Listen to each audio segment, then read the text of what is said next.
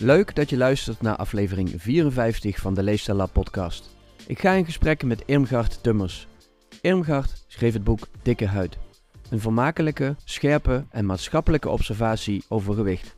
Het zijn korte verhalen over haar eigen leven in drie verschillende gewichtsperiodes. Ik zag de aankondiging van dit boek voorbij komen op sociale media en heb Irmgard meteen benaderd om erover in gesprek te gaan samen. En gelukkig was ze meteen enthousiast. Wil jij dus meer ervaringsgerichte verhalen horen over overgewicht en obesitas en de dikke representatie in de media, over bewuste en onbewuste uitsluitingsmechanismen in het sociale en professionele leven, verteld door iemand die er scherp, met humor en ontroering over kan vertellen, dan moet je deze aflevering zeker luisteren. Het was een emotioneel en ook goed gesprek. Ik heb er daarom ook weinig aan bewerkt. Je gaat dus genieten van meer dan een uur aan informatie, kennis en ervaring. Veel plezier! Goedemiddag Irmgard, wat leuk dat je er bent. Welkom in de Leefstijl podcast. Ja, dankjewel. Fijn Roel dat ik hier mag zijn. Leuk. Ja, ik kijk enorm uit naar ons gesprek. Ik heb uh, de afgelopen dagen jouw boek gelezen, Dikke Huid. Mhm. En uh, ja, ik wilde er eigenlijk alles van weten, want het boek maakte me verdrietig, blij, geïnteresseerd. Uh, nou ja, van alles kwam aan bod qua gevoelens en emoties. En uh, ja, ik kijk er naar uit om met de schrijfster uh, erover in gesprek te gaan. Mm, Oké, okay, mooi. Maar voordat we dat gaan doen, wil ik jou uh, even vragen wie je bent en jezelf even voor te stellen aan onze luisteraars. Mm -hmm. Mijn naam is Irmgard Tummers. Um, ik heb een boek geschreven, boek Dikke Huid. Um, mijn achtergrond, uh, ik ben drievoudig kun je zeggen, jurist, politicoloog en theatermaker. Uh, voor mij ligt dat allemaal in het verlengde, maar ik weet inmiddels dat het voor de buitenwacht niet uh, zo is. Um, maar in die hoedanigheden ben ik ook uh, werkzaam geweest voor allerlei opdrachtgevers en werkgevers. En nou, wat je kunt zeggen, onderwijs, het sociaal domein, um, daar liggen onderzoek, daar heb ik het meeste ervaringen op gedaan. En ik heb ook al een aantal jaren gewerkt als zelfstandig theatermaker. En hier en daar pak ik dingen weer op als het gaat over theater. Uh, maar dat is allemaal nog een heel ja, klein niveau, zeg maar. Mooi. Dus uh, je doet veel dingen en ja. Ik hoor daaruit dus ook een brede interesse. Brede interesse. Ik ben uh, wel altijd nieuwsgierig naar um, de samenhang van individu naar maatschappij. Hè. Dus ik heb een, grote maatschappelijke belangstelling. Dat, né, dat uitzicht ook in mijn werk, uh, nu ook voor de bestuursacademie onder andere. De rol van de overheid vind ik altijd heel interessant. Hè. Hoe beweegt de overheid zich in een aantal zaken? Um, dus daar ligt eigenlijk wel in het hele doen en laten van mij, um, zit daar wel een lijn in. Zelfs in het theater maken, en alle dingen die ik heb gedaan, dan zie je toch heel vaak toch maatschappelijke vraagstukken terugkomen. Ja, mooi. Nou, volgens mij hebben we dat helemaal met elkaar uh, gemeen. En uh, ja. nou, ik word al helemaal enthousiast als je zegt, uh, nou ja, de interactie tussen mens en omgeving, individu en omgeving. Ja. Ja. Super belangrijk als het gaat over het onderwerp waar we het vandaag over gaan hebben, namelijk overgewicht, obesitas en alles wat daarbij komt kijken. Ja. Jouw boek Dikke Huid is verdeeld eigenlijk in verschillende tijdsperiodes, als ik het zo zie. Ja. Uh, er staat min 45 kilo, plus 45 kilo en een soort yo-yo plus en min. Um, ja, waarom heb je deze gewichtsperiodes, als ik ze zo mag noemen, gebruikt als structuur voor jouw verhalen? Wat, wat betekenen deze periodes voor jou? Ja. Um, ja, voor mij is het echt wel de basis, dus daarom ook die hoofdstukken, omdat ik merk en merkte dat er een leven bestaat waarin, waarin je dik wordt. Dat er een leven bestaat met al zijn speciale facetten van dik zijn. Dan weer afvallen, hè, dunner worden uh, en van dun zijn. Um, voordat we, we hebben de neiging om dingen nog wel eens over één kant te scheren. En ik merkte in mijn hele leven en ook zeker de laatste jaren, van goh, daar zijn, uh, dat zijn echt andere fases uh, in mijn leven althans geweest. Dus dat is het eerste. En ik wilde vooral starten met het hoofdstuk dat ik dunner uh, ben dan een paar jaar geleden. Omdat ik het belangrijk vond om te starten met de betekenis van dun zijn en hoe belangrijk dun zijn kennelijk wordt gevonden in onze maatschappij. En dat je anders behandeld wordt, dat, het, eh, dat je het makkelijker gewoon hebt in, in de openbare ruimte. Het boek heet wel Dikke Huid en er staat een dik poppetje voorop, maar gek genoeg is het boek dus eigenlijk vooral bedoeld voor dunne mensen, um, om zich daarvan bewust te worden. Daarnaast heeft het ook gewoon een, technische reden. Um, uh, ik vond het heel belangrijk dat de lezer um, begint bij de uitkomst. Nou, dat is dan in dit verhaal van mijzelf. Gaat het dan over, ik heb een aantal kilo's weten te verliezen um, die significant zijn. Maar ik wil vooral dat je daarna uh, ondergedompeld wordt als lezer in hoe het dan was. Wat het proces er ja, uh, voorafgaand daaraan. Um, omdat ik ook hoop dat je daardoor je ja, nog meer kunt verplaatsen in, um, in zo'n proces van dik zijn, dikker worden en weer afvallen. Dat, het overigens, dat uh, laatste uh, hoofdstuk waar het dan gaat, wat je benoemt ook als eerder jojoend. Zo heb ik dat zelf niet ervaren, maar ik begrijp wel, hè, omdat er plus 3 staat, min 5, plus 2, min 7. Dat is eerlijk gezegd gewoon de normale lijn van afvallen. Uh, die heel veel mensen die, heel, die tientallen kilo's uh, willen of moeten verliezen, uh, zoals ik.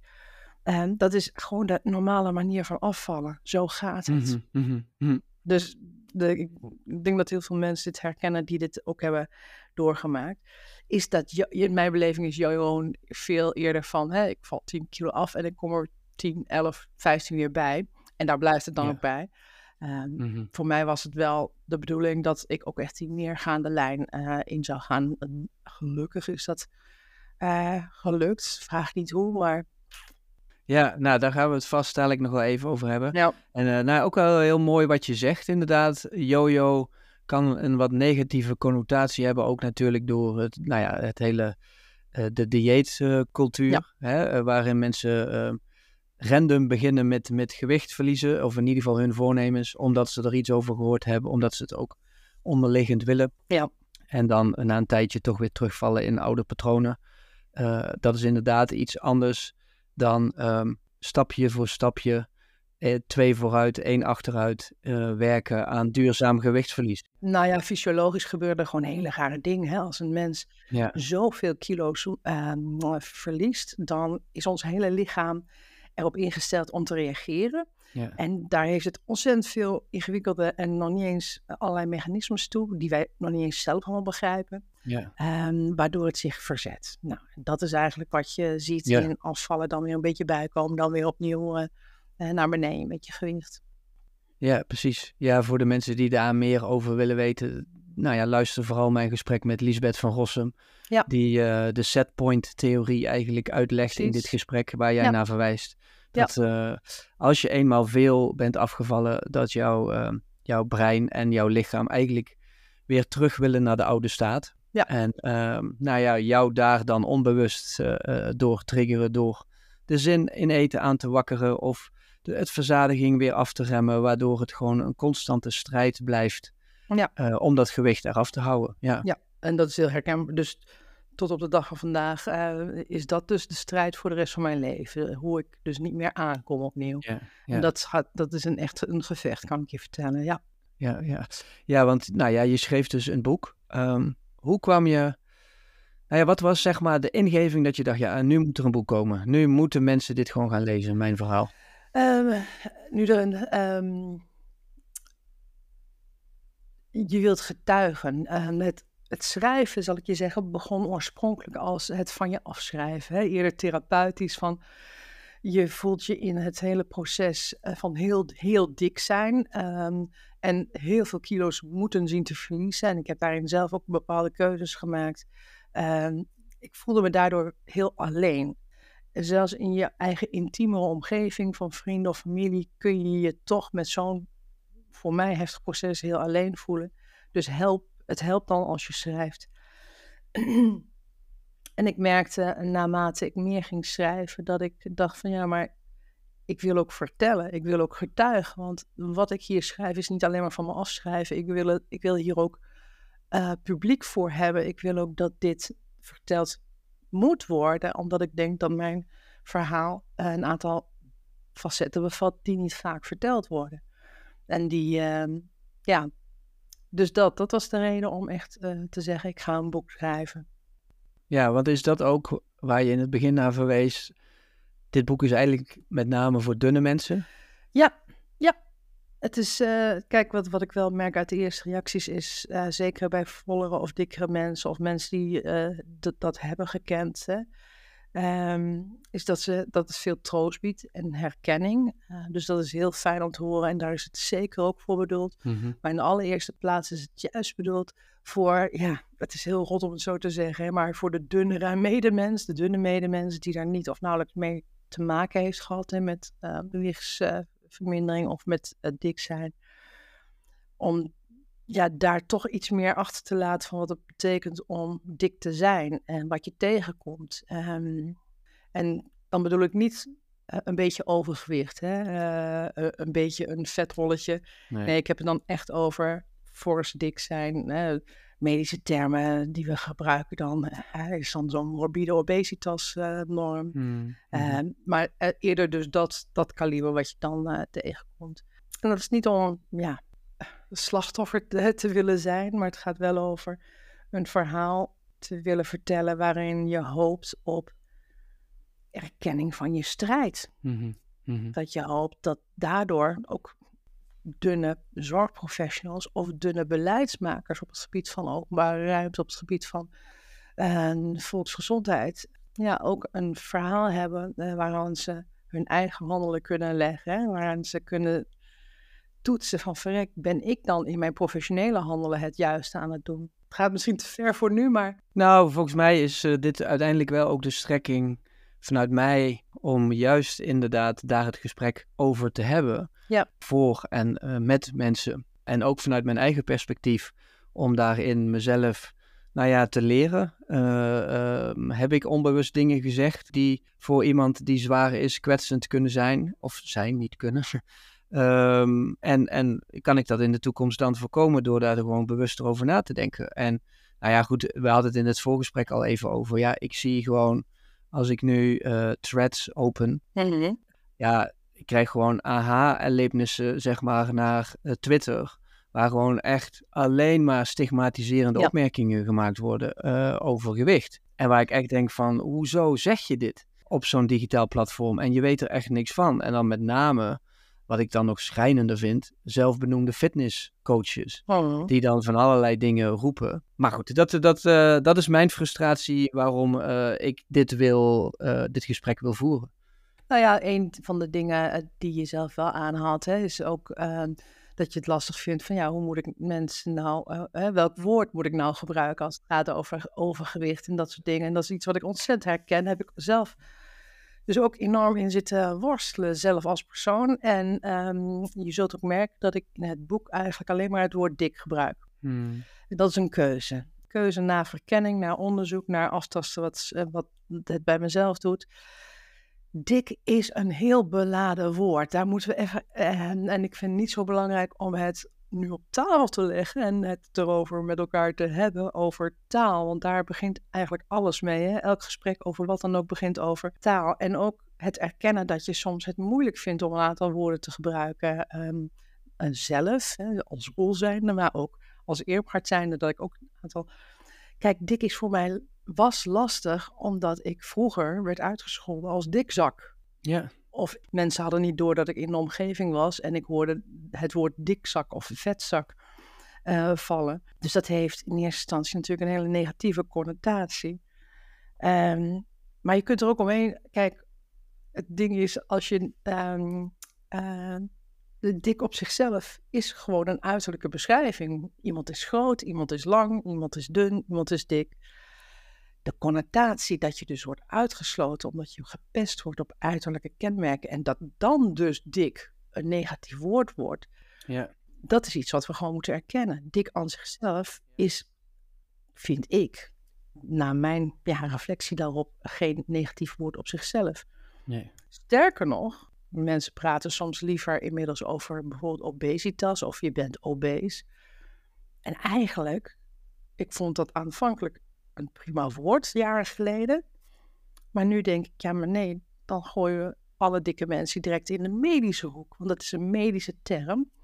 Ehm, en dat snap ik. Ik heb zelfs eh, een aantal jaren nog geneeskunde gedaan, dus ik snap dat allemaal.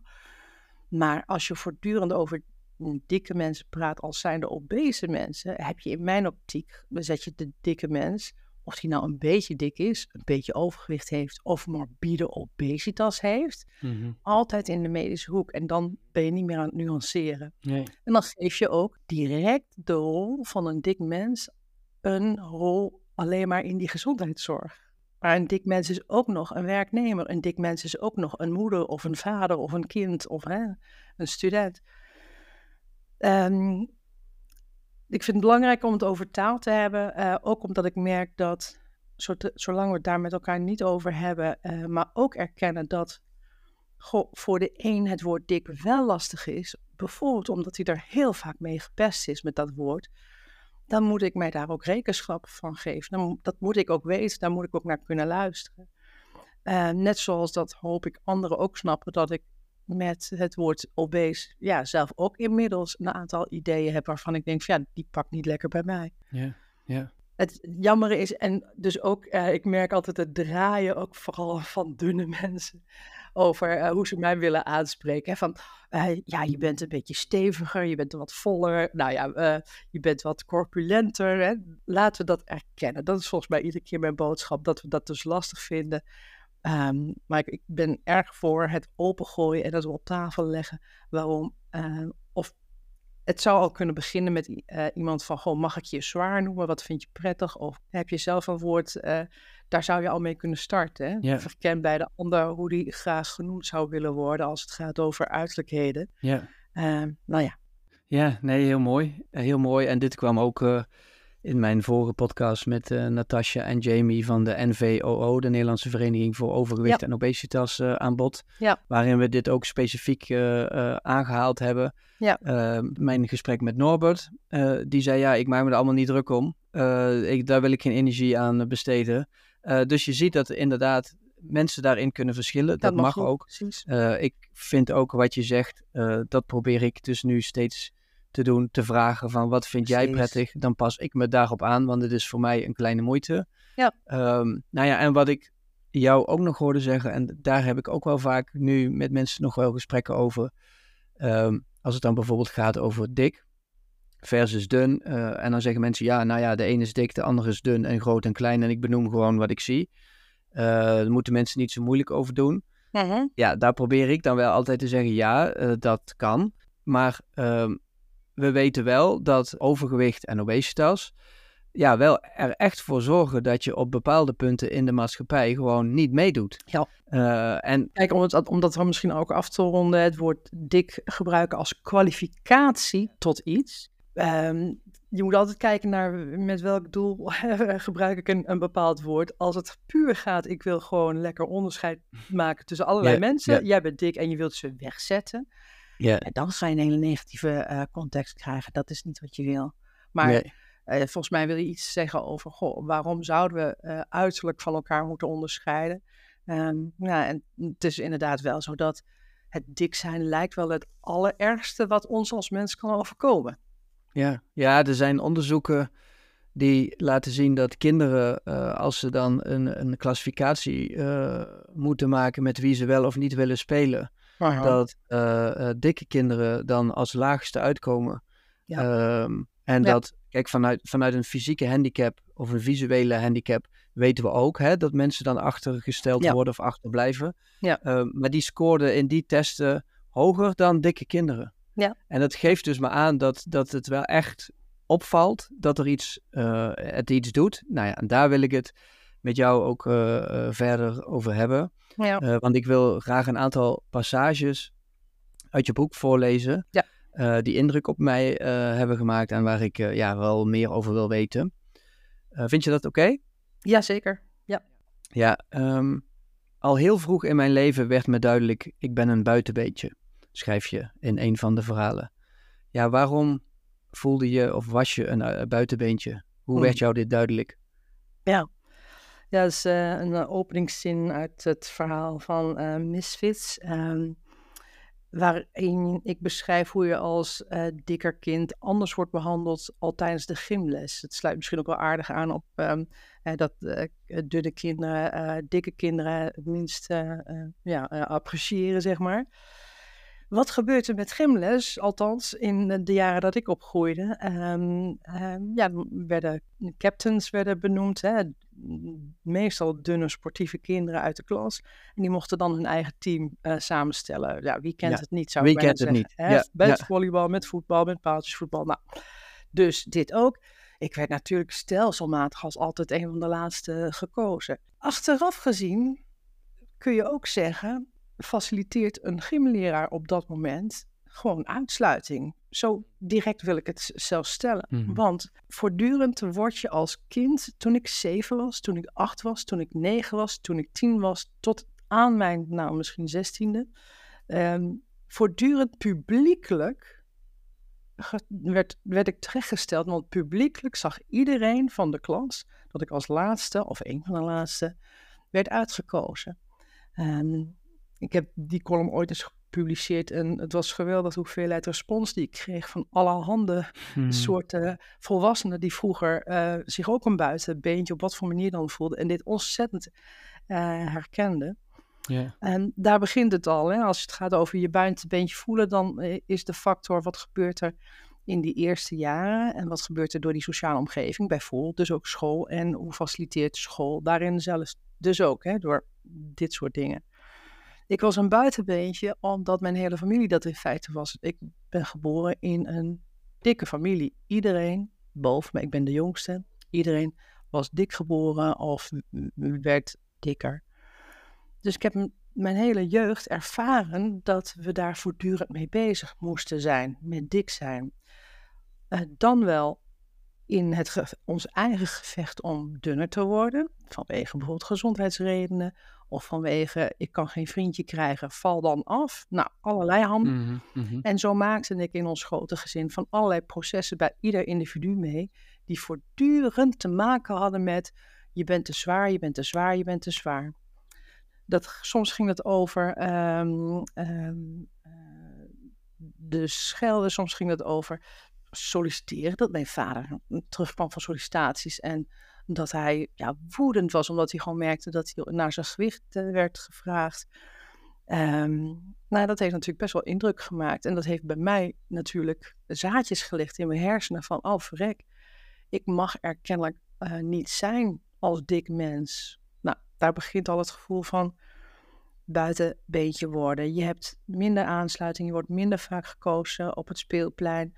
Ik kan mij hele jaren alleen bij de ingang van school herinneren tijdens schoolpauze, omdat ik gewoon bij niemand eh, aansluiting ehm, ehm, voelde. Ehm, ik ben, weet ik nog, ehm, eh, van school naar huis teruglopend eh, achterna gejaagd door de halve klas. En die allemaal dikke tummers, dikke tummers, dikke tummers riepen. En ik weet nog dat ik toen al dacht, ik was denk ik acht of negen of tien jaar, Mhm. dit kan niet waar zijn, dit lijkt wel een film, dit gebeurt niet echt. En ik heb gerend voor mijn leven, zo bang dat ik was. Het leek alsof ze met toortsen en middeleeuwse volk bij aankwamen. En dat was Zie ik het een beetje voor me, ja. nou ja, dat was dus. Ik, ik heb een paar keer in het rennen achter mij omgekeken en ik zag een half stoet wilden achter me aan zitten. Ehm, dat is heel traumatisch. En dat maakt niet alleen dat je dan tot buitenbeentje wordt verklaard. Het maakt natuurlijk ook dat je als bazaal gevoel overhoudt dat je mensen mag wantrouwen, dat je groepen mensen al helemaal Ja. moet wantrouwen. Want die eh, roepen ehm, je straks, eh, maak je straks voor iets uit wat je niet leuk vindt. Ja, en dat kan altijd gebeuren. Dat gevoel kan altijd krijg je gebeuren dan en het natuurlijk. heeft gewoon diepe impact. Eh, Dit ja. is lekker voer voor allerlei psychotherapeuten en onder ons. Eh, ik heb daar zelf natuurlijk heel veel over gereflecteerd. Mhm. Ehm, de erkenning start bij mij dat dat gewoon heel traumatisch is. Ehm, en dat dat heel veel verdriet heeft opgeleverd. Maar ook nu boosheid. En wat ik wil omzetten in laten we constructief. En ik Mhm. wil met mijn boek echt een steentje toe bijdragen. Kijk, wat kunnen we dus anders doen in opvoeding? Hè? Het gaat natuurlijk ook over ouders die hun kinderen opvoeden met bepaalde beelden over wie hoort erbij. en wie hoort er niet bij? Wie, wie mag op een bepaalde manier behandeld worden? Ja, en dat kennen we van kleur, uh, maar dat kennen we dus ook evenzo uh, van gewicht. Dat kennen we van gewicht, maar we erkennen het nog niet al zodanig. Nee, als, precies. Het is heel maf, en ik heb dat ook wel eens in colleges aan de studenten verteld.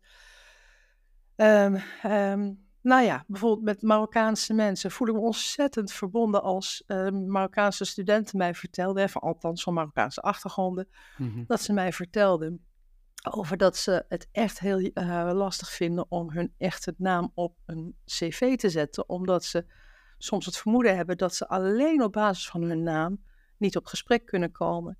Ik heb, zal ik je vertellen, heel vaak mijn foto niet op een cv durven zetten, omdat ik wist dit gaat hem dus niet worden als ik mijn dikke toet laat zien. Ja, ja. Nee, dat vertelde Natasja in het vorige gesprek, die dit dus ook Ja. meemaakte. Dat ze dat ook letterlijk terugkreeg. Van, eh, eh, je zou iets aan je voorkomen Ja. moeten doen. Zover, ik heb dat gelukkig nog nooit eh, mee hoeven maken, maar ehm, ik, ik sluit niet uit dat dit absoluut praktijk is wat, wat gebeurt. Ja, want in een, in een volgende passage, een andere passage, zeg je... Wanneer het woord dik valt op een uit de hand gelopen verjaardagspartijtje met te veel borreltjes, komen allerlei processen op gang. Dik doet wat. Ja, wat doet dik met mensen in onze samenleving? Ja, dus dat, hè, we hebben het daar net al gehad over dat dat woord dik al heel beladen is. Ehm, het gekke is, we zijn, ondanks het feit dat we dus zo zoeken en voorzichtig zijn over eh, het woord dik of obese of eh, overgewicht. Het maf is, we zijn bezeten, dat moeten we ook denk ik erkennen in onze samenleving, van niet te dik willen zijn. Ja. Ehm, ik durf dat inmiddels echt te stellen. Eh, we hebben, het is bijna ongezond hoe zeer we gefixeerd zijn in onze maatschappij op niet dik willen zijn. En het, wat mij dan opvalt, is dat het vaak onder het mom valt als je zelf praat met mensen erover. Of nou ja, eh, dingen die je volgt, in media of wat dan ook. Dat het heel vaak lijkt te gaan eh, onder het mom van gezondheid. Hè? Ik wil gezond leven en gezonder zijn. Maar kijk je dieper en vraag je dieper, dan gaat het ehm, heel vaak niet over gezondheid, maar gewoon er niet zo uit willen zien. Je wilt er niet dik uitzien. Ehm, het is zo geïnternaliseerd, die norm niet dik, dikker, dikker of heel dik eruit willen zien, Ja. dat we niet eens meer weten waarom je überhaupt op gewicht zou moeten letten. Snap je? Ik zei, ik, en één voorbeeld geef ik je. De GGD doet tegenwoordig, eh, ook op scholen, eh, houden ze onderzoek naar gezondheid van kinderen en jongeren. Nou, op zich niks mis mee. Ik ben een tijdje op middelbaar, in het middelbaar onderwijs werkzaam geweest. Kinderen kwamen helemaal van slag terug in mijn les als ze bij de GGD waren geweest. Want wat gebeurde daar? Daar werd gewogen en daar werd de BMI bepaald. En ze kwamen echt heel erg van slag ehm, terug met, ja, ik had 26,4 als BMI, dus ik, heb, ik ben dik en ik moet nu afvallen, maar ik ben toch helemaal niet dik, mevrouw. Het vertelde mij twee dingen. Het vertelde mij wat is, nou ja, de vraag wat gebeurt daar in die spreekkamer met de GGD precies. Hè? Want natuurlijk is er altijd een ruis hè, tussen wat ik dan hoor. Ja. En het tweede is, ik zag ook de paniek van kinderen, van schoolgaande jeugd, over BMI, over dik. Dat dat kennelijk dus ook heel belangrijk voor hen is. Want het was veel eerder paniek. ehm, en dat ze elkaar ook hielpen bijna van... Ja, maar je bent helemaal niet dik. Het is flauwekul wat die mevrouw zijn. Dat soort dingen hoorde je dan. Mhm, mhm. Dus Mhm. dat is even een, een, een- gewoon een hele concrete ervaring die ik heb opgedaan over, ehm, ja, over die impact die dat woord alleen al heeft. Hè? Ja, ja. Ja, want ja, ik hoorde jou net praten en toen moest ik opeens denken, wat zou nu zwaarder wegen? Ehm, ik ben benieuwd hoe jij daarover denkt. Willen mensen nou slank zijn in onze huidige samenleving? Of inderdaad, willen mensen gewoon niet zwaar zijn of niet dik zijn? Juist vanwege die hele negatieve connotaties rondom gewicht hè? en met name dik zijn. Ja. Eh, je, we hebben het altijd over het slankheidsideaal. Mhm. En als ik daar dan aan denk, ja, gaat het echt over dat het grootste gedeelte van de mensen slank wil zijn, dun wil zijn? Of gaat het er eigenlijk over, nee, ze willen gewoon niet dik zijn en daardoor eh, opvallen. Ja. Eh, dus ze zijn eigenlijk meer bezig met voorkomen dat ze dik zijn, dan eigenlijk slank of dun willen zijn. Of dun worden. Ja, daar kan ik. eh, ja, ik heb me daar op die, niet zo mee bezig gehouden. Maar ik denk zeker dat laatste dat eh, belangrijker is. Ja, gewoon in mijn observatie, vanuit mijn perspectief. Ehm, het, het stomme is dat ik eh, terecht dus misschien wel opmerkt van, goh, moet het niet over gezondheid? Hè, de keuze gaat over gezondheid. Hè? Dan wil ik Hmm. slank zijn of gezond zijn. En in die optie, hè, als het gaat, willen mensen liever slank zijn of willen mensen liever gezond zijn, denk ik dat heel veel mensen kiezen voor slank zijn. Ja, nou ja, de- dat, ja, want gezondheid, nou goed, dat is weer een ander gesprek. Met Chi heb ik het over eh, gezondheid eh, is geen basisbehoefte, maar mensen eh, willen veel sneller conformeren aan anderen. En als iedereen het belangrijk vindt om binnen de normale grenzen te zijn, wat we dan met z'n allen hebben bepaald wat dan normaal is, hè, dat is natuurlijk ook nog discutabel. Eh, maar Ja. daar willen mensen dan in blijven. En als dat dan nu is dat dat een bepaald gewicht is, Ja. ja, dan doen mensen er eigenlijk onbewust alles aan om daar dan in de buurt te blijven. Want als je dat niet doet, en dat is een Ja. beetje het geval natuurlijk met, met dik zijn, Ja. dan hebben mensen daar een mening over. En dan En mag je dus blijkbaar veroordeeld worden. En dat, dat komt natuurlijk door, de, eh, eh, door wat we, de beelden die we er allemaal bij hebben geleerd gekregen door anderen. Dat dik zijn of obese zijn gepaard gaat met andere sensaties, zoals walgelijk, zoals stinken, zoals vies. We zijn zo bewust of onbewust gesocialiseerd door, onszelf, hè, door onze eigen omgeving, dat die woorden dus passen bij eh, obese of dikke mensen. Ja. En Maar je bent Dat- wel ja. gezellig, toch, Ermgaard? ik ben hartstikke gezellig, jongen. Ja, dat heb, Ja. Je, ook, dat heb ik ook geleerd. Hè.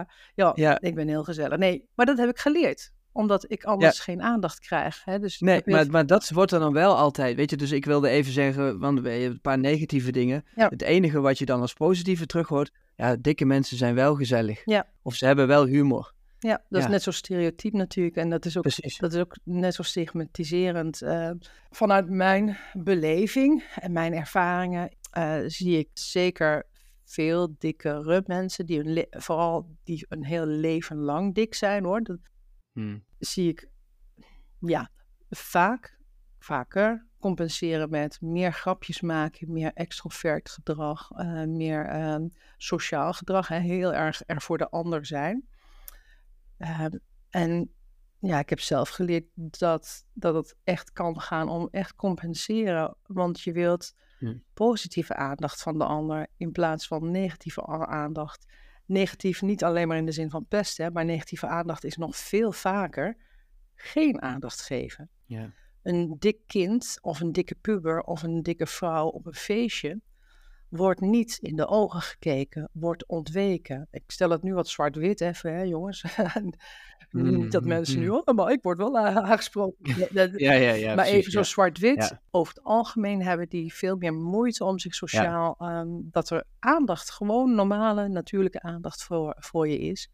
Dus je moet wel iets doen om positieve aandacht te krijgen. In mijn geval Ja. Eh, eh, ben ik heel vroeg eh, ehm, eh, heb ik geleerd grapjes te maken waar het kan. Ja. En heb ik het theater opgezocht, hè, want daar kreeg ik wel aandacht, omdat ik nog enigszins iets op die vloer kon wat betreft toneelspelen.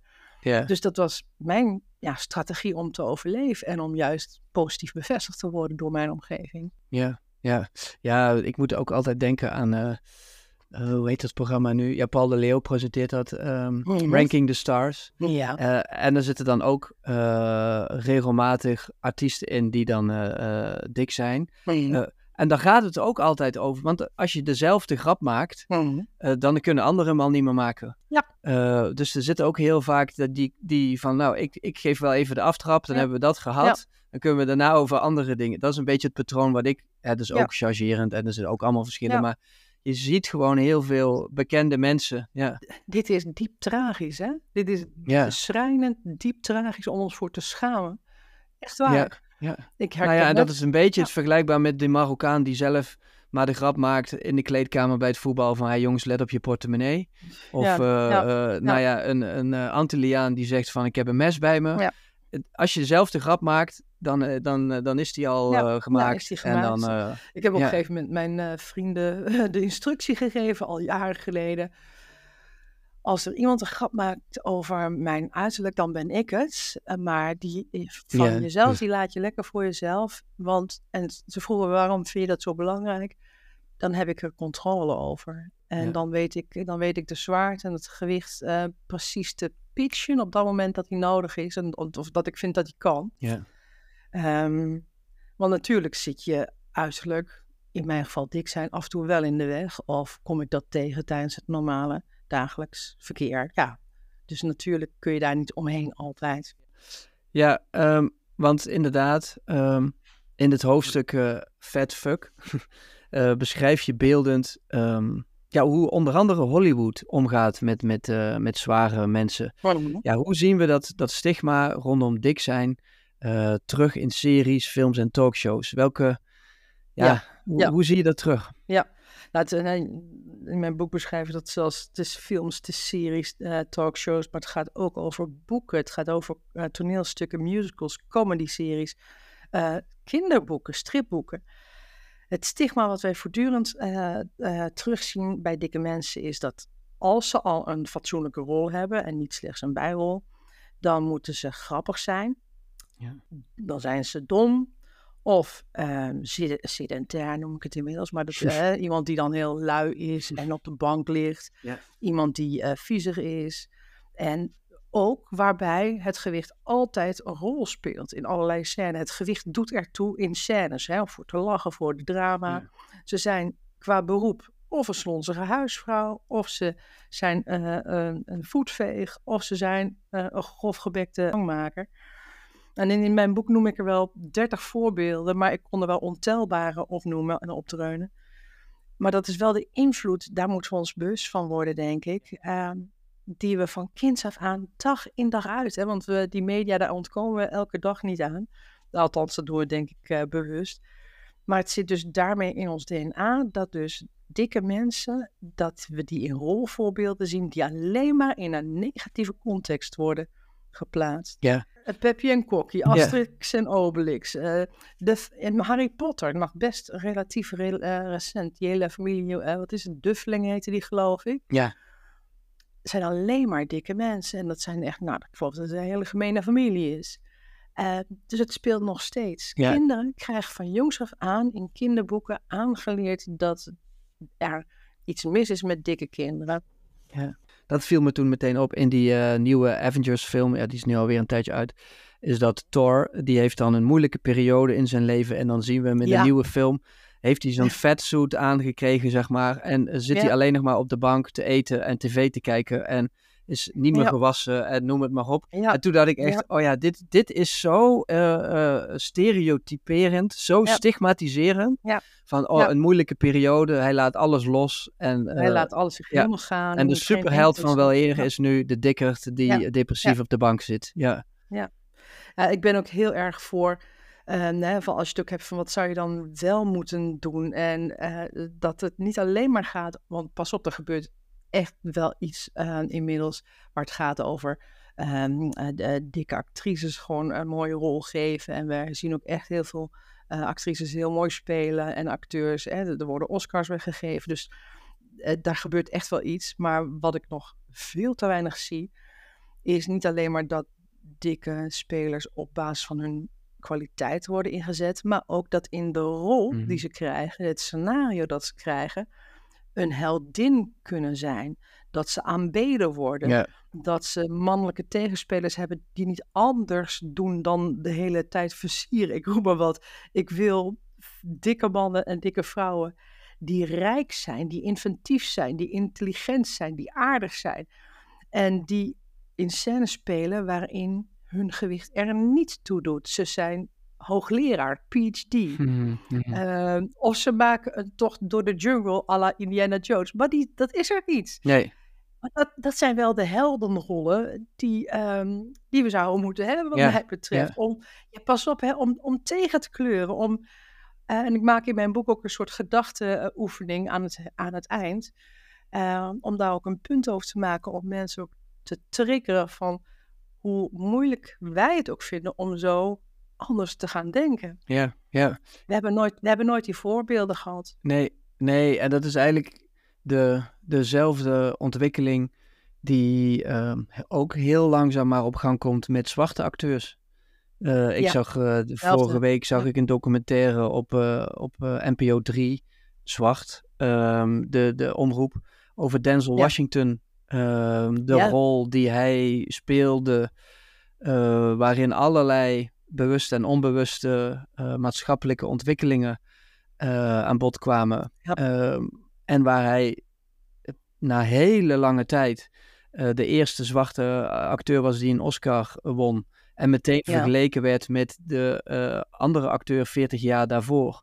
Hij zei, ja, Die dit ook- is precies, ja. die ook zwart was. Ehm, Precies, Nou ja. en de- waar je dan nu ziet dat er in steeds meer films eh, dan nu zwart, zwarte acteurs een rol kregen. eh, Nou, nou, we keken, vorige week keek ik eh, Little Mermaid, de Ja. Disney film, waar dan voor het eerst ja, een, dat kan ook ja. een rol. ja, Potver. ja, waar dan voor het eerst nu een Afro-Amerikaanse vrouw Ariel speelt. Ja, Ja, enorm ja. belangrijk voor alle jonge meisjes die nog nooit een, gekleurde prinses hebben gezien ja. in de Ja. Disney-reeks. Ik, weet je, ik, heb zo vaak gedacht dat mijn hele eh, boek en mijn schrijven en mijn pleidooi voor meer emancipatie van de dikke medemens, meer eh, act- activisme eh, en meer eh, pleidooi houden voor mededogen en erkenning van ja, wie je bent, dat het ontzettend aansluit en natuurlijk in, de tijds, in dit tijdperk past van waarin heel veel groepen mensen aandacht vragen voor erbij te willen horen en zeg maar normaal behandeld te willen worden en niet speciaal of anders of juist niet behandeld willen worden. Dus ik, eh, ik voel absoluut voor allerlei soorten gemeenschappen die op dit moment een pleidooi houden voor, ja, zie mij, erken mij. Ja. En ehm, ja, mijn pleidooi voor die dikke mensen sluit er wat mij betreft eh, op aan. Het ding is dus wel, dat, dat, ik heb wel eens een documentaire gezien waarin ook een Wageningse eh, onderzoeker dat toelichtte, is dat voor die gemeenschappen vaak veel sneller erkenning is eh, dan andere gemeenschappen. Hè. Dus dan hebben we het over zwarte eh, gemeenschappen of de LHBTI eh, enzovoort enzovoort. Omdat uit haar onderzoek bleek dat de, de dikke persoon vaak toch nog het embleem krijgt van eigen schuld. Ja, precies. Ja. Dus jij, hebt het, jij verdient het niet om gelijk te worden behandeld, want dat is je eigen schuld. En dan komen we weer terug op. toch, eh, nou inmiddels best achterhaalde ideeën, concepten over, eh, over ja, zwaar zijn. Ja, ja want eh, die hoek wil ik wel nu een beetje met je op, inderdaad. Want ehm, als je, jij had het in het begin, het was echt een strijd. En op een gegeven moment Mhm. zeg je, ik geef de strijd op. Laat mijn zwaard zakken. Doe mijn harnas af en keer de andere wang toe. Oordeel Ja. maar, want ik ben op. Ja, wat, Ja. wat gebeurt hier? Wat lees ik hier? Ja. Ehm, ja, deze die, die zin komt ergens uit het midden van het boek. Hè, en ik sta ja, op dat moment op een punt, eh, ja, na een leven vol afvalpogingen, van dikker worden, weer wat, eh, eh, dat, ik, dat ik merk dat ik door dat hele grote gewicht wat ik op dat moment draag, dat ik niet meer door kan gaan. Het beperkt me op allerlei manieren. En ik moest toen ehm, echt besluiten tot een aller, allerlaatste poging om af te vallen. Om, ik had gewoon te veel klachten op allerlei gebied. En eh, ik wist, eh, die klachten komen niet per se door het dik zijn, maar het, helpt wel enorm om die klachten te verminderen als ik gewoon kilo's verlies. Eh, dat is ook gelukkig later eh, gebleken. Ehm, maar die zin die staat er dus voor het feit dat ik, ik was wanhopig. Mhm. Ik wist geen andere uitweg meer na al die jaren dat ik zelf maar van alles heb geprobeerd om af te vallen, dan om me heen te kijken van ja, zijn er dan nog mensen om mij heen om hulp te vragen? Ehm, en, het, en ik wist, ehm, ik was zo raadloos, hè, dus voortdurend, ehm, en dat raakt mij nu natuurlijk opnieuw, omdat ik door dit gesprek en deze vraag terug naar dat moment ga. Ik was raadloos, dus de zin die voortdurend terugkwam, Mhm. ging over hoe dan? Hoe dan? Hoe moet ik in godsnaam? Ik wist het niet meer. Ja. En het, ik wist dat ik mij kon wenden naar die gezondheidszorg. Hè, en op dat moment het moeten overlaten aan experts, omdat je het zelf. En dus dat gaat natuurlijk over mijn harnas laten vallen. Hè? Eh, stel je laatste oordeel, maar het oordeel van die gezondheidszorg. Maar het stomme was dat ik me op dit, dat moment zo kwetsbaar voelde, omdat ik ook wist dat die gezondheidszorg ook maar met halve antwoorden aan zou komen omdat heel veel nog niet bekend is over hè, uh, de mechanismes van dik zijn. Er is nog zo ontzettend veel onderzoek wat lopende is, wat nog moet gebeuren. Laat staan, en nu komt hij, over langdurig hm. gewichtsverlies. Dat is iets heel anders dan dik zijn, dat is iets heel anders dan dikker worden. Afvallen is weer een heel andere periode uit het mensenleven en hoe je dus vooral langdurig gewicht blijft verliezen. Dus ik wist, ik voelde me heel kwetsbaar. Ik wist het niet meer en ik moest mij overgeven aan dan maar andere experts, wetende dat daar dus ook geen uh, heilige straal voor zou liggen. Nee, nee. Dus ik wist, het komt uiteindelijk waarschijnlijk weer allemaal terug op mijzelf. En het is ook wel voor een deel gebleken. Ja. ja, ja. ja nou, het raakte je net. En um, ja, wat ik daar in het volgende passage dan ook las, uh, is die schuldvraag. Oh, en uh, ik wil je daar niet mee plagen, maar ik wil hem toch even voorlezen, omdat ik, ja, ik kreeg er echt een knoop van in mijn oh. maag. En um, ja, het, het, stuk gaat als volgt. De 96 uren die volgen bestaan uit een onbeschrijfelijke misselijkheid en het continue gevoel te moeten flauwvallen. Niemand hoeft getuige te zijn van deze pijn, die ik over mezelf heb afgeroepen, deze nederlaag. En als ik het nu lees, krijg ik al, al kippenvel. Mm. Uh, omdat het, ja, het raakt mij echt enorm als je deze woorden laat doordringen. Ja. Ja. En wat ik er zo verdrietig aan vind, is dat hier de zin van niemand hoeft getuige te zijn van deze pijn die ik over mezelf heb afgeroepen. Die schuldvraag die je dus, ondanks alles wat je van dit onderwerp weet, bij je, toch bij jezelf neerlegt. En ja, we weten ook dat andere mensen geneigd zijn dit te doen, terwijl je verwees er net al naar, ja. terwijl dat zo niet waar is. Ja. Het, je kunt het inderdaad lezen als exemplarisch, hoezeer um, het geïnternaliseerd is. Hè. Weight bias, dus allerlei overtuigingen over gewicht. Blijkt ook dat dikke mensen die ook gewoon intern gaan, ja, dat dat gaat meespelen. Op enige nuancering moet, moet, ik wel zeggen, op dat moment gaat het uh, niet per se over, goh, ik leg de schuld bij mijzelf. Het is wel, uh, op een ander moment um, stel ik die vraag ironisch aan, aan het publiek. Um, het gaat wel natuurlijk over dat ik op dat moment zelf een keuze heb gemaakt om zo'n maagballon, zo'n tijdelijke maagballon, yeah. te laten doen. Uh, dat zag ik vooral als nederlaag, want ik was kennelijk zelf niet in staat om af te vallen. Ik was kennelijk niet gedisciplineerd genoeg. Ik had voortdurend honger. Ik bewoog niet voldoende. Ik zorgde dat ik niet voldoende sliep enzovoort. Dus daarin zat wel dat, dat schuldgevoel. Hmm. Um, dus daarin ga je dan ook, hè, als je heel veel pijn doorgaat, ja, was mijn manier op dat moment om mijzelf dan maar ook te straffen van, nou, dan ga ik dat ook maar alleen aan, want ik heb dat verdiend. Ik heb immers. Uh... Maar het is, het is waar.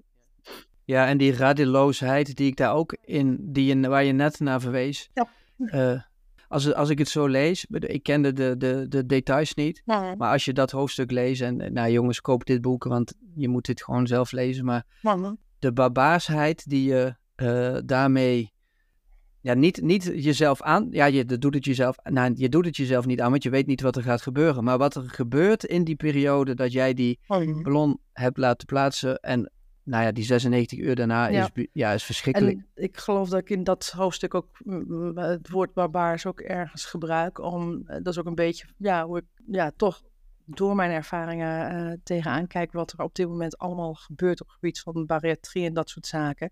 Gebeuren, ik moet heel erg oppassen, er gebeuren ook een heleboel goede dingen. Het gaat vooruit, er zijn heel veel ontwikkelingen. Hè. Er zijn hmm. nu um, eindelijk wat meer longitudinale onderzoeken die hè, over tien jaar uh, kijken van nou wat heeft het ons gebracht als we gaan opereren en dat soort dingen. Was dus niet mijn keuze, maar hè, heel veel mensen doen het uh, goed. Neemt niet weg dat de andere dingen die aanwezig zijn, pillen, injecties, ballonnen, wat is het? Nou, ik kan ze niet eens allemaal opnoemen. Uh, er is een hele scala aan ingrepen die je kunt doen. Ja.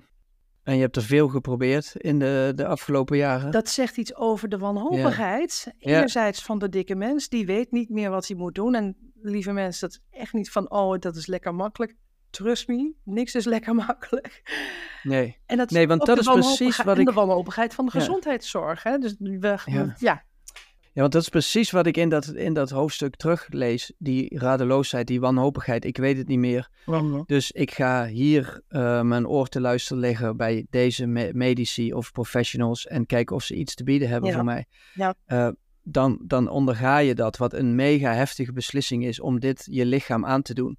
En ja, dat gesprek eh, voer ik ook wel regelmatig met de kampen die je hebt na, na bariatrie. Oh. Waarbij de ene groep zegt van, hé, hey, ja, het is gewoon de weg van de minste weerstand. Mhm. Terwijl juist is dat misschien een wel van de moedigste beslissingen, Ja, eh, of de heftigste oh, beslissingen, of de, Ja, ja, de beslissingen die je kunt maken. ik, precies. Ik eh, weet als niet, je op ja, die manier met je gezondheid om wil gaan. Ik weet niet wie dat zegt, eh, weg van de minste weerstand. Zij iemand die, die dat had ondergaan, ja?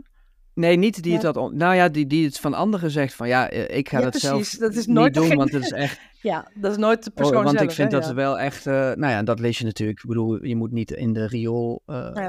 Leidingen van Twitter en zo gaan kijken. Maar dat is natuurlijk wat heel snel onder eh, de nu jij de Nee. Facebook kopt als het over bariatrie gaat. In, kijk, in het boek trek ik de ehm, parallel met aderlaten. Dat deden we vroeger ook. Ten, alles, Ja. ten aanzien van alles. Had je eh, pukkeltjes, had je geen kinderen, wat dan ook. Je ging aderlaten. Hè? Nou, en zo zie ik het een beetje eh, wat betreft ehm, de bariatrie. We moeten oppassen dat we niet ehm, ten aanzien van operatieve en niet-operatieve ingrepen altijd maar dit soort dingen gaan doen als, als aderlaten. Ja. Er ligt zo vaak veel onder het dik zijn. Dik zijn is een symptoom, hè? net als armoede. Er speelt een heleboel eh, speelt er wat, en dat wou ik zo zeker nog vertellen, dat is voor iedereen anders. Ehm, zie dik zijn, dik, dikker worden of weer dunner worden. Of, nou, zie dat afval als symptoom van allerlei onderliggende factoren die voor ieder mens verschillend kunnen zijn. Mijn verhaal, dat wil ik ook nog even benadrukken, is ook maar mijn verhaal. Hmm. Het staat niet voor het verhaal voor al die andere mensen die dik zijn geboren, dikker worden of weer dunner zijn. En voor mij zat het, f- als ik terugreflecteer, weet ik nu in deels dikke genen. Het zit in opvoeding hè? en de ouders die nog van voor de oorlog zijn en de oorlog hebben meegemaakt. Dus uit schaarste eh, mij hebben geleerd, eet wat op je bord ligt en dat eet je nu en je eet veel en schep nog een keer op en zit je vol, zit je vol, zit je wel vol. Hè? De- Hmm. bijna de Mhm. paniek, maar dat is ook iets wat ze natuurlijk overgedragen hebben vanuit hun eigen kindertijd. En het gaat natuurlijk ook over dat ik een product ben van de 21ste eeuw, waarin ik heel veel op kantoren heb moeten werken, achter PC's. Hè? Dus dat sedentaire gedrag, hè? zoveel mogelijk zitten. We worden daartoe ook, nou gedwongen is een groot woord, maar we worden wel voortdurend in de mogelijkheid gezet en dat we moeten zitten. Ik zit nu met jou ook weer. We hadden ook, we hadden, Roel, we hadden ook een wandeling door het bos kunnen Mhm. houden. Hè? Ja. Ja, ja, precies. Ja, nou, dat heb ik ooit bedacht met de podcast, maar daar kwamen Oh, weer allerlei dingen bij eh, kijken. Nee, maar dat is zo, precies. Dat, dat, eh, we zijn geneigd om eh, energie te besparen. Dus nou ja, bij mijn punt is, ehm, er er zijn heel veel redenen en invloeden die van invloed zijn op je, op je leefstijl, ja, op je gezondheid. En Ja. bij mij uitzicht dat dus in dikker worden en in patronen van bepaald eten, hoe ik met ehm, teleurstellingen omging. Nou ja, een heel verhaal, daar kun je meer over lezen in mijn boek. Ehm, Ja, ik heb daar nog wel een mooi, want daar wil ik het, want daar had jij ook in ons voorgesprek een hele duidelijke mening over. ja. Eh, want ik wil hem ook even weghalen bij het individu. Ehm, ja, in het verhaal Pamela Anderson en een tompoes beschrijf je jouw weg door een tuin en het doe-het-zelf centrum. En dan Ja. zeg je, ik voel de behoefte opkomen aan een enorme beerhap en een XL frikandel. En sluit na het afrekenen bij de kassa buitenaan bij de zwijgende rij doe-het-zelvers voor de frietkraam. Ook zij zien er teleurgesteld uit. Ja. Ja, wat is de context van dit verhaal? Ja, de context van dit verhaal is dat ehm, eh, zij zien er ook teleurgesteld uit. Het gaat over eh, mensen die een uur lang in zo'n bouwmarkt rondsjouwen. Nou, Maar op een gegeven moment ben je of gefrustreerd of heb je honger omdat je merkt dat je te laat hebt of niet hebt geluncht. En dan ehm, kom je naar eh, het niet lukken van je boodschappen, kom je op je, op je parkeerplaats en dan staat daar een snackbar. Ja. En je hebt honger. De cachère was misschien uh, onvriendelijk tegen je. Je hebt de verfkleur niet gevonden die je wou. er is een heel groot gapend industrieterrein met 0,0 mogelijkheden om ergens een komkommer of een tomaat te halen. Ja? Je hebt natuurlijk je bord en je rijststokjes niet bij je. Nou ja, enzovoort enzovoort. Dus dan is het heel verleidelijk om dus iets te scoren. Ik zie het ehm, bij de intratuin, ik zie het bij de bouwmarkt, ik zie het zelfs voor supermarkten. Als je afvalt, je hele brein wil alleen maar eh, verzamelen, zo liefst zoveel mogelijk koolhydraten en vetten. Hè? Dus als ik al het mij lukt om met een volle maag boodschap te doen uh, en de groene kool te halen, de chiazaad, de kefir, ja. nou, hè, de bekende gezonde dingen waar we goed van poepen en waar we heel gezond van zijn. Dan kom ik buiten, ben ik opgelucht. Ja. Van, nou, dat is mij goed dat, gelukt. ik ben trots op mezelf. En ik vlieg in een, een van oliebollen, frituur, komt dan mij tegemoet. En dan denk ik van, wat zijn we hier in godsnaam aan het doen? Ik zie het zelfs vermeerderen. Ik, bij stations komen er extra kotten voor friet, voor patat, voor uh, ja. shawarma. Is allemaal even lekker, maar ik denk van, als we het hebben over beleidskeuzes, en dat is het punt wat ik natuurlijk ook probeer te maken in mijn boek, we moeten ook reflecteren op professioneel niveau. Wat zijn nu keuzes die we in beleid anders kunnen maken om te voorkomen dat mensen dikker worden en als ze al met gewichtsverlies bezig zijn, dat ze voortdurend dit soort ongezonde keuzes uh, moeten weren. Ja. Hè? Ook Lisbeth van Rossum onder andere. We weten inmiddels dat we per dag voor pak en beet 300 ongezonde voedselkeuzes komen te staan. Dat, onbewust, dat wist En iedere keer moeten we dus zeggen nee, nee, nee, ja. nee, ja. nee. Gaat anders dat is best lastig als, als je moe bent, de koters wachten, dat is best lastig. ja.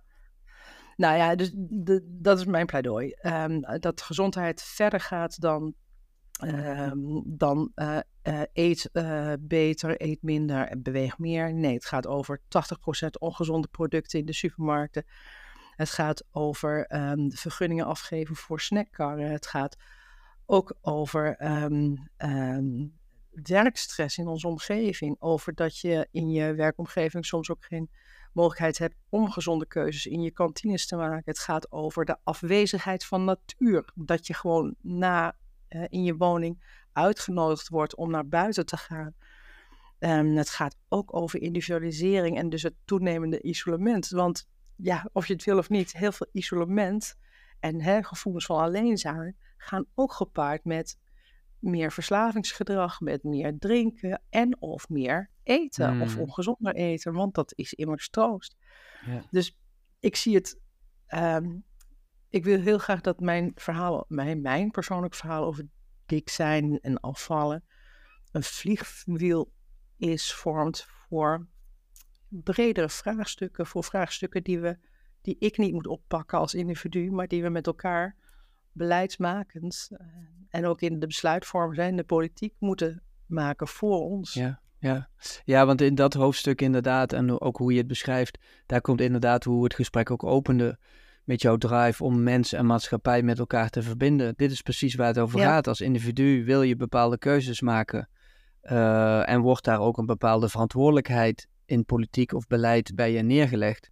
Ja. Uh, maar aan de andere kant wordt het je enorm ingewikkeld gemaakt. Als je, heel... ja, als je minder wil drinken en je gaat naar de kapper en de kapper biedt je een prosecco of een biertje aan. Als je minder wil eten en je loopt naar buiten bij uh, de mediamarkt, krijg je nog een koelkast met Snickers en uh, blikjes ja. Red Bull. Ja, hoezo? Ja. Uh, en dat gaat er niet om dat het niet mag, weet je wel, want dat is dan de volgende discussie. We moeten vrije keuzes maken. Ja, natuurlijk.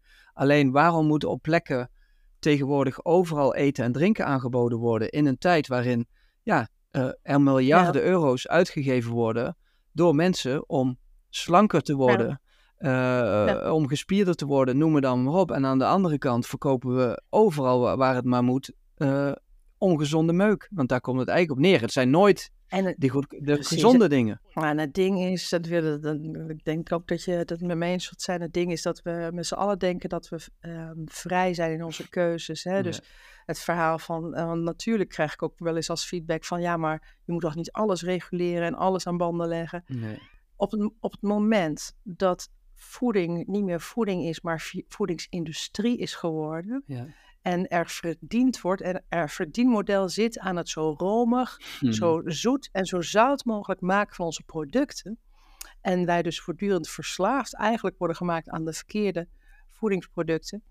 Dan moeten we niet anders dan gaan reguleren. En dat daar een overheid ook echt in gaat om ons tegen onszelf te beschermen. Want wij maken namelijk niet bewust vrije keuzes. We weten al lang uit de psychologie dat zelfs de hele marketing omtrent voeding een en al psychologische ehm, methodieken dat daarachter schuilen. Ik pak namelijk niet zomaar het pakje, eh, een pak uit de supermarkt. Nee, dat wordt heel bewust gestuurd door allerlei ingrepen.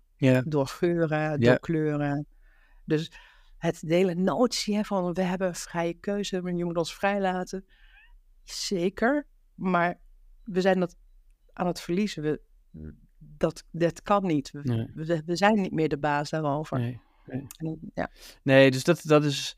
Ja, daar heb ik al verschillende afleveringen over opgenomen. Over die betutteling versus bescherming Mhm, discussie. Ja, mega interessant. En gelukkig maken we daar wat stapjes. mhm. Maar ehm, ja, nee, dat, daar kunnen we eh podcasts over volpraten. Eh maar we willen graag geloven dat we vrij zijn en dat we in de supermarkt onafhankelijke keuzes maken of op elke andere plek. Ja. Maar we weten gewoon dat dat toch wel iets ingewikkelder is, want anders werden er geen Ja, miljarden uitgegeven aan kerstreclames juist. en alle andere reclames en paasreclames en noem het maar op. Nou ja, alles, Eh, en alles dat wordt gedaan om een reden, omdat het ervoor zorgt dat, dat we die producten gaan kopen. Alles, Punt, alles met, kijk, oude, alles met mate, hè.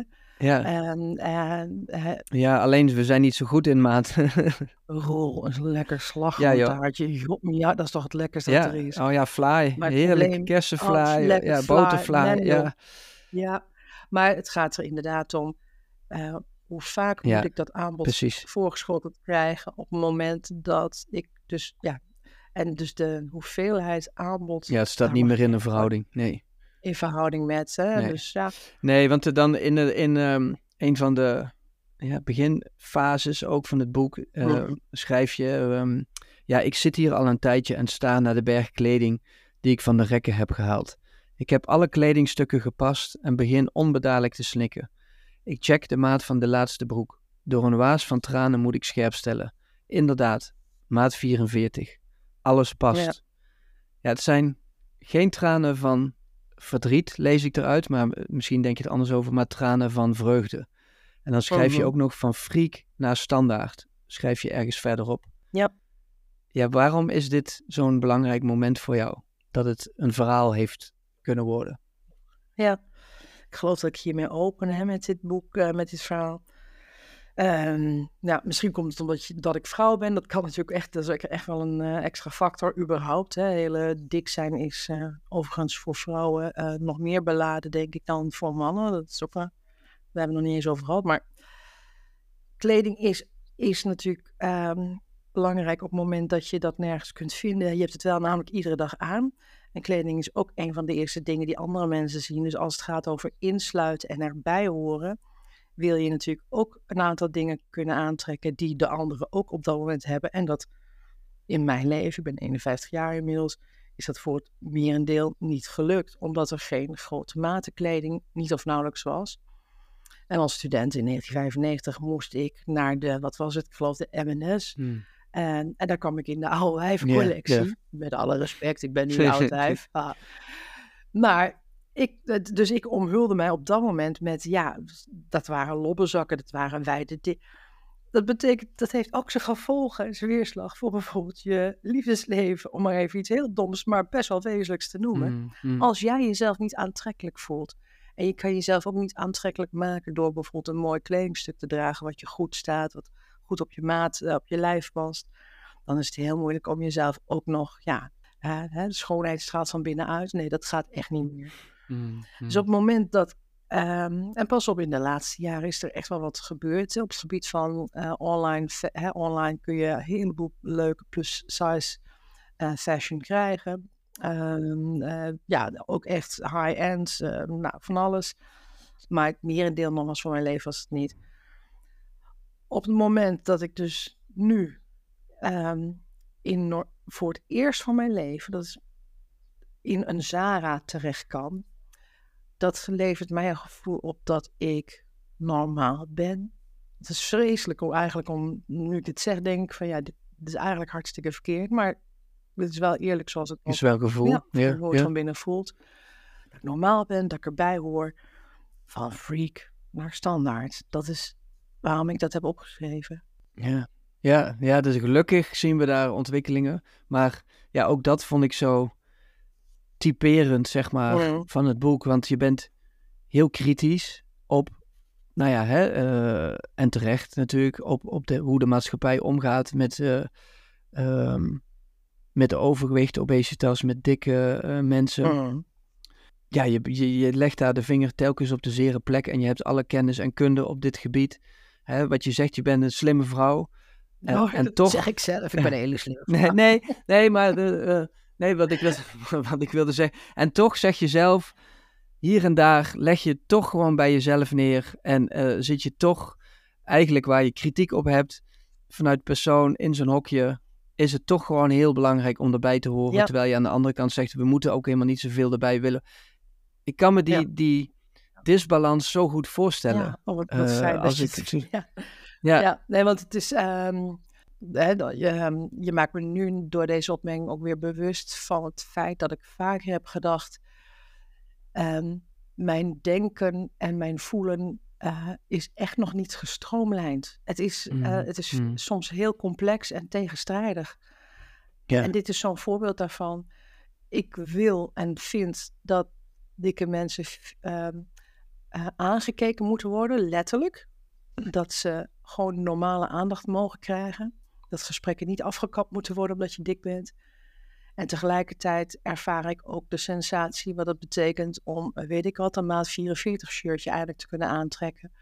Ehm, omdat je dan voelt dat je, ja, je komt hier weer, normaal bent. Hmm. Dus die tegenstrijdigheid ga ik nog aan werken. Uh, maar volgens mij is dit gewoon inherent aan ehm, is het gewoon een perfecte reflectie van wat er gewoon ook nu speelt in de samenleving. Aan de ene kant emancipatie en groepen die voor zichzelf op willen komen. En aan de andere kant het grote verlangen om uh, bij dat ideaal aan te sluiten. Ja. En volgens mij geeft dat ook maar aan hoe complex het is, hoe genuanceerd het is. Ja. Dus uh, je, het is niet je bent voor of je bent tegen body positivity. Je bent niet voor of tegen stigmatisering van uh, overgewicht. Ja, zeker niet. Nee, ik snap uh, af jongens, ik ja. snap alles. Ik snap ja. de body, uh, hè, wat is het? We hebben body positivity en, ehm, en wat is het dan? Anti-fat shaming en dat is niet ja, echt ja. Weet je, ik zie het allemaal als signalen van de tijd die nodig zijn. Hè. Het zijn allemaal stappen en wat... Um, elke emancipatie, elke revolutie begint ook met extremen. En dat is goed en dat is nodig, uh, zodat we het discours kunnen veranderen. Hè? Dus de taal die we gebruiken, het denken over, ja. um, over minderheidsgroepen.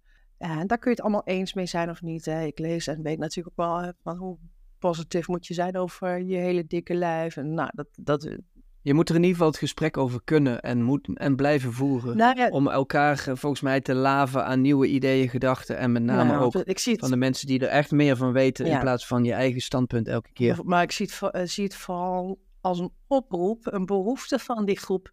Bijvoorbeeld influencers hè, die uh, in die body positivity beweging zitten. Zie het vooral als een wanhopige kreet wat mij betreft. Als mensen zien ons, erkennen ons en Um, doe mij niet af en sluit mij niet uit. En dat vind ik een terechte oproep. Ja. Um, ja, en dat mensen daar weer op reageren van, joh, maar zo dik kan niet gezond zijn. Ja, ja precies. Ja, dan zie je niet, dan, is het, dan ga je weer uit van je eigen oordeel en je eigen reflectie, maar dan, ga je, dan hoor je niet de noodkreet en de behoeften van de personen die dit, ja, die dit... Precies. Dit... Nee, en daar kan je zoveel of althans, ik zeg dat uh, generaliserend bedoel het eigenlijk meer vanuit mezelf. Ja, ik kan daar zoveel parallellen trekken met de Zwarte Piet discussie. Ja. Hè, waar mensen zeggen, ja nee, maar het is gewoon, uh, dit is gewoon zo. Dat vinden mensen niet erg. En oh, het is gewoon zo, hebben we het altijd gedaan. Precies. Nou, als iemand zegt dat hij dat wel erg vindt, dan kan je dat toch ook naar luisteren. Precies. Is dan toch niet van, oh ja, maar het was altijd zo. Nou, als iemand zegt dat hij het niet fijn vindt om opmerkingen over zijn uiterlijk te krijgen, ja, dan hoef je die toch niet te blijven maken. Wat is het dan? Ja. ik snap dan niet van, waarom kan je niet een klein beetje meebewegen? Ja. Maar goed, dat ja, is. Uh, ja, het, zit ons, nee, het zit in ons DNA om. Hè. We hebben, geloof ik, echt. Uh, dan misschien weet jij daar meer van dan ik, maar ik geloof dat we in ons hersenen ook echt een aantal uh, mechanismes hebben om mensen ook te willen uitsluiten. Dus mensen die heel erg ja, op je lijken. In-group, out-group, hokjes denken. Ja, dat werkt allemaal heel goed. Ja. Alleen wanneer het dus maatschappelijke nadelen heeft, inmiddels, dan moet je gaan nadenken: willen we dat houden? Hè? Wat kunnen we daar wel aan doen? Ja. Dus ik vind dan... Ja. ja, en dan weet je, en dat is ook wat jij volgens mij in het... Uh, in ieder geval wat ik daarin hoorde, is dat je dan je verantwoording aflegt, zeg maar. Mhm. Dus ik wilde nu ook even verantwoording naar mezelf. Denk, het is niet dat ik alles goed doe en alles goed weet, weet je wel. En dat is ook alweer een signaal. Dat ik nu het gevoel krijg dat ik me moet verantwoorden. Omdat anders mensen zouden kunnen denken, oh, meneer ja. uh, denkt het allemaal te weten. Uh, oh, meneer gaat even gevoelig meepraten. Weet je, dat soort, en dat maakt natuurlijk dat het een heel gevoelig onderwerp is en dat iedereen ook denkt dat hij het verkeerd doet. Ja. Wat soms dan ook een gesprek in de weg zit. Ja, absoluut. Uh, ja, dus, dus dat is, ja, je hebt het natuurlijk ook over die hele de woke. Uh, ja, hoe, oh jee, nu moeten we ook nog heel erg woke zijn met dikke mensen. Oh jee. Ik zie dit ook weer als symptoom van de tijd. Zie, uh, het is een oprisping die kennelijk nodig is. Kijk, een boer, als je een boertje moet laten in de maag, betekent dat je gas, hè, er moet gas kwijt, hè, nee. scheet. Ja? Hm. Zie dit als een maatschappelijke vaart of een maatschappelijke boer. Ja. Het is dus, er zit dus iets in de weg. Dus daar moet, ik denk dat we daar moeten luisteren. En ja. Het vergt voor ons allemaal omschakelen. Maar weet je... En dat mag ook, ja. We hebben in de mensengeschiedenis hebben heel vaak omgeschakeld. Ja. Kost wel tijd, kost ja. een paar generaties. Ja. En soms uh, meer dan je zou willen, maar uh, ja, precies. Ja, ja want, zijn uh, niet nee, nee, want nou ja, op het eind van het boek ehm, maak je de eindafrekening op en geef je een overzicht van de kosten en vergoedingen van jouw afvalproces, of in ieder geval van jouw leven misschien wel. Um, nou ja, welke conclusie of um, ja, ja, ja, welke conclusie kun je voor jezelf en anderen trekken op basis van dat rekensommetje dat je daar geeft? En, en misschien ook als afsluiting van deze podcast, waar staat dat synoniem voor? Ik sla me even lekker abstract mee. nou, hè? We gaan. ja, ik hoor mezelf praten en denk: Jezus. ja. Uh, ja. We gaan dit stap voor stap aanpakken, ja, uh, ja. Want, uh, eens kijken, de, de, die eindafrekening, ja, ik heb hem um, vrij laat eigenlijk geschreven. Ja. En de uitgever vond het wel echt wel een heel goed idee om dit wel echt als um, erbij te zetten. Hij klopt ook van voor naar achter, by the way. De schellen vielen mij van de ogen in ieder geval.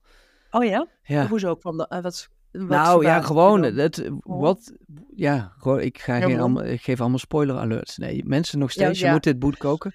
Maar, het, um, het, het, ding is, wil je, uh, wil je afvallen, is het ding dat um, uh, op dit moment zorgverzekeraars in een, een, zeer beperkt aantal gevallen een aantal dingen vergoeden. Mm -hmm. En uh, ik viel daar nooit, net niet of nooit onder. En die beperkte hoeveelheid die wel werd vergoed, daar koos ik niet voor.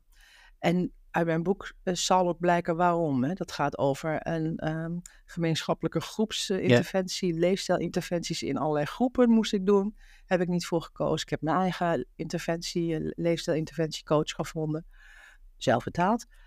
Um, maar omdat ik dat niet wilde, die groepsleefstijlinterventie, en dit is een hele belangrijke voor zorgprofessionals en zorgverzekeraars die nu luisteren omdat ik mijn eigen particuliere le erkende leefstijlinterventiecoach heb ingeschakeld, kan ik niet aantonen dat ik bij die andere normale GLI heb uh, aangesloten.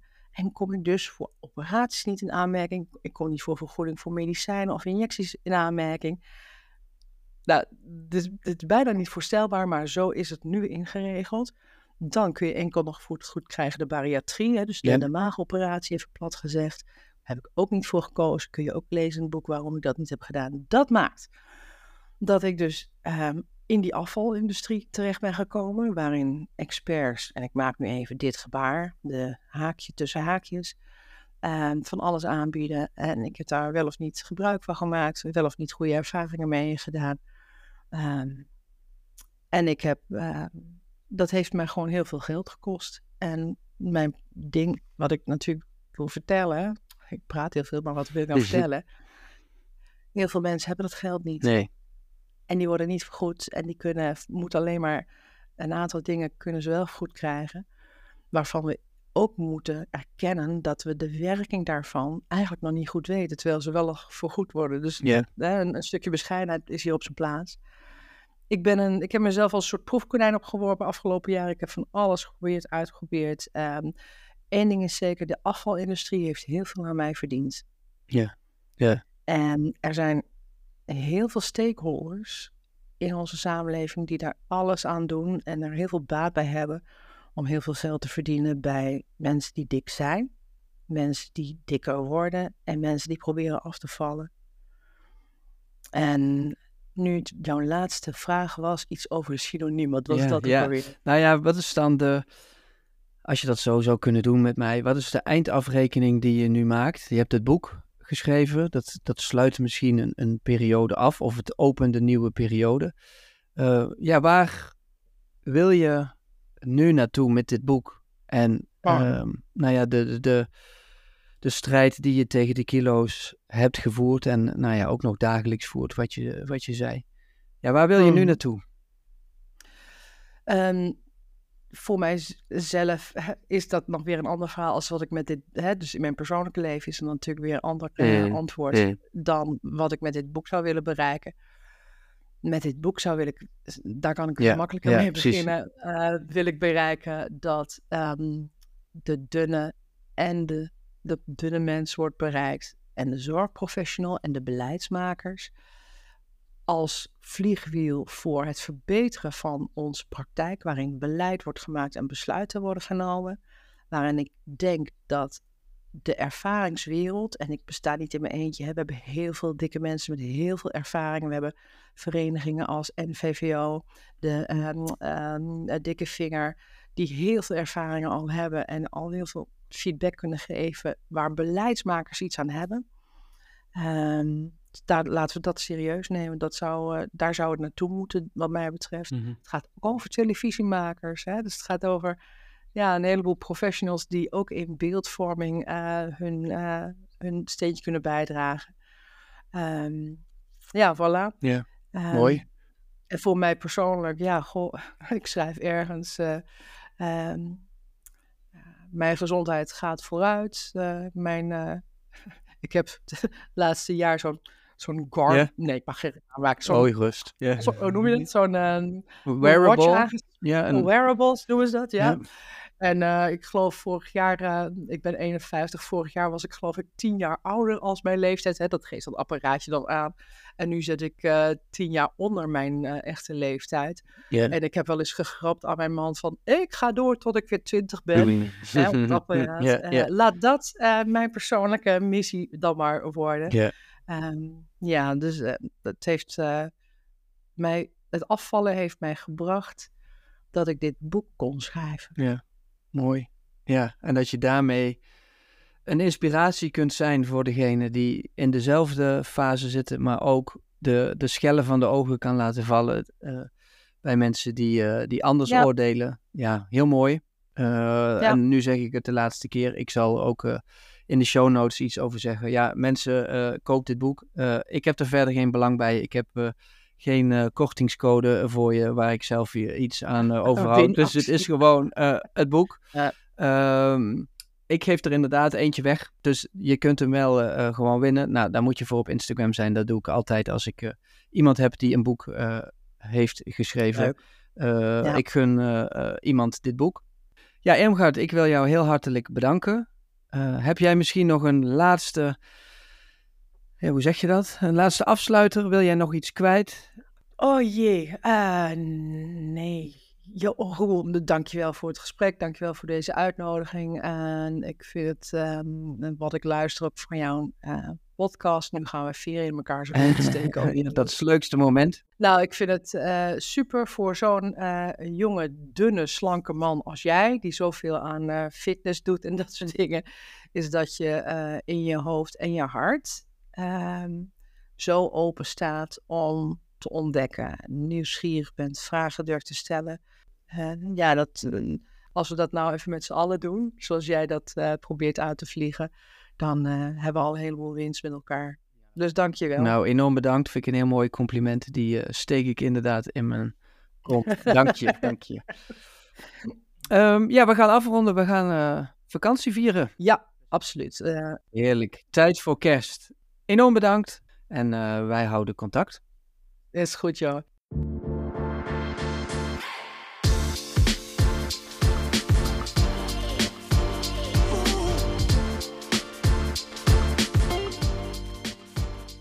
Het zit er weer op. Je luisterde naar aflevering 54 van de Leefstijl Lab podcast, waarin ik in gesprek ging met Irmgard Tummers, de schrijfster van het boek Dikke Huid. Wil je reageren op deze aflevering? Laat dan vooral een bericht voor ons achter. Dat kun je doen op Vriend van de Show of via onze Instagram. Maar mailen mag natuurlijk ook. In de volgende aflevering ga ik in gesprek met Inge Oud en Mariska de Rauw, bestuursleden van de BLCN, de beroepsvereniging Leefstijlcoaches Nederland.